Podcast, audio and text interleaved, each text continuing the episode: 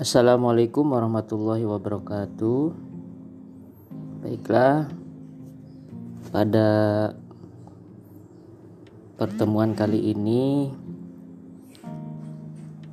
kita akan membahas eh, pada mata kuliah pendalaman materi IPS di SD ini yang terkait dengan pendidikan IPS eh, ya dalam rangka menghadapi eh, revolusi industri 4.0 dan era society 5.0 ya. Eh, kita tahu bahwa IPS itu merupakan eh, menurut NCSS Social Studies is the integrated study of the social sciences and humanities to promote civic competence. Nah, menurut Bar dan kawan-kawan, the social studies is an integrated of experience and knowledge concerning human relation for the purpose of citizenship education.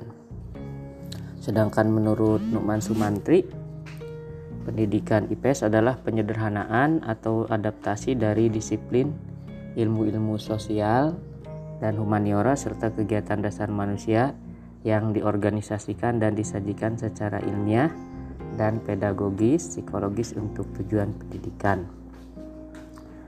Nah, menurut uh, Kosasih Jahiri, uh, ilmu sosial merupakan disiplin intelektual yang mempelajari manusia sebagai makhluk sosial secara ilmiah, yang memusatkan pada manusia sebagai anggota masyarakat dan pada kelompok atau masyarakat yang ia bentuk. Nah, bagaimana kompetensi uh, anak uh, untuk di tingkat sekolah dasar menurut kurikulum ya yaitu ada tiga ya mematuhi aturan sosial yang berlaku dalam lingkungannya kemudian menghargai keragaman agama budaya suku ras dan golongan sosial ekonomi di lingkungan sekitar dan yang ketiga menggunakan informasi tentang lingkungan sekitar secara logis, kritis dan juga kreatif. Nah, berikut Bapak jelaskan karakteristik IPS ya menurut Sapria di IPS itu memiliki beberapa karakteristik. Pertama, IPS sebagai transmisi kewarganegaraan atau citizenship education ya. Jadi awalnya IPS itu memang dari PKN ya di Amerika kemudian berkembang menjadi studi sosial. Kemudian IPS sebagai ilmu-ilmu sosial yang dipelajari di PTN non kependidikan ya di Unpad, di UI, IPB, IT, uh, UGM ya. Jadi social sciences. Dan IPS sebagai penelitian mendalam reflective inquiry. Nah, ini di pasca juga di kaji secara mendalam IPS sebagai kritik kehidupan sosial social criticism kemudian yang kelima IPS sebagai pengembangan pribadi individu seorang anak atau siswa ya. Personal development of the individual. Jadi IPS juga konsen terhadap pengembangan pribadi. Nah bagaimana sekarang kita menggagas pendidikan IPS yang humanis ya? Nah humanis itu orang yang mendambakan dan memperjuangkan terwujudnya pergaulan eh, hidup yang lebih baik ya. berdasarkan asas kemanusiaan pengabdi kepentingan sama umat manusia penganut paham yang menganggap manusia sebagai objek terpenting dan penganut humanisme. Kita tahu eh, Mas Menteri menggagas pelajar Pancasila ya. Kemudian menggagas juga apa itu eh, kebudayaan global ya. Jadi nah ini humanis ini bagian dari isme dan juga paham globalisasi ya yang diperdagangkan yang perlu dipahami oleh kita semua. Bahkan menjadi salah satu keterampilan abad 21 yaitu literasi humanisme. Nah tantangan global megatrend global kita tahu misalnya adanya puca ya. Volatility kemudian P nya itu volatility kemudian uncertainty complexity dan ambiguity jadi sekarang uh, kita memasuki era ketidakpastian ya.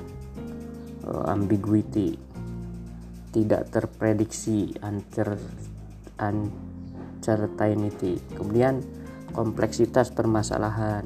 Kemudian ambiguity nggak jelas nih mana misalnya yang hoax mana yang benar gitu kan. Di mana dunia bergerak dengan penuh dinamika dan berfluktuasi diselimuti ketidakpastian ya penuh dengan kompleksitas persoalan dan akibatnya memunculkan keraguan atas segala fenomena yang terjadi. Ya orang menyebutnya juga disebut dengan disruption ya uh, era yang disrupsi ya. Negatif infak dari uh, perkembangan industri 4.0 ini antara lain uh, adanya kejahatan uh, cyber crime ya. Kejahatan di dunia maya misalnya pembobolan rekening dihack ya handphone kita dan sebagainya kemudian dipinta untuk uh, transfer uang dan sebagainya ya. Kemudian disruption tadi adanya uh, apa namanya uh, ketidakpastian disrupsi ya. Uh, kemudian unemployment uh, jadi banyak pekerja-pekerja yang digantikan oleh mesin dengan adanya uh, artificial intelligence. Kemudian ada lagi cultural shock ya.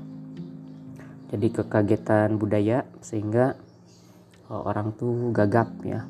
Gagap budaya punya handphone yang canggih tapi nggak bisa menggunakan eh, cultural shock.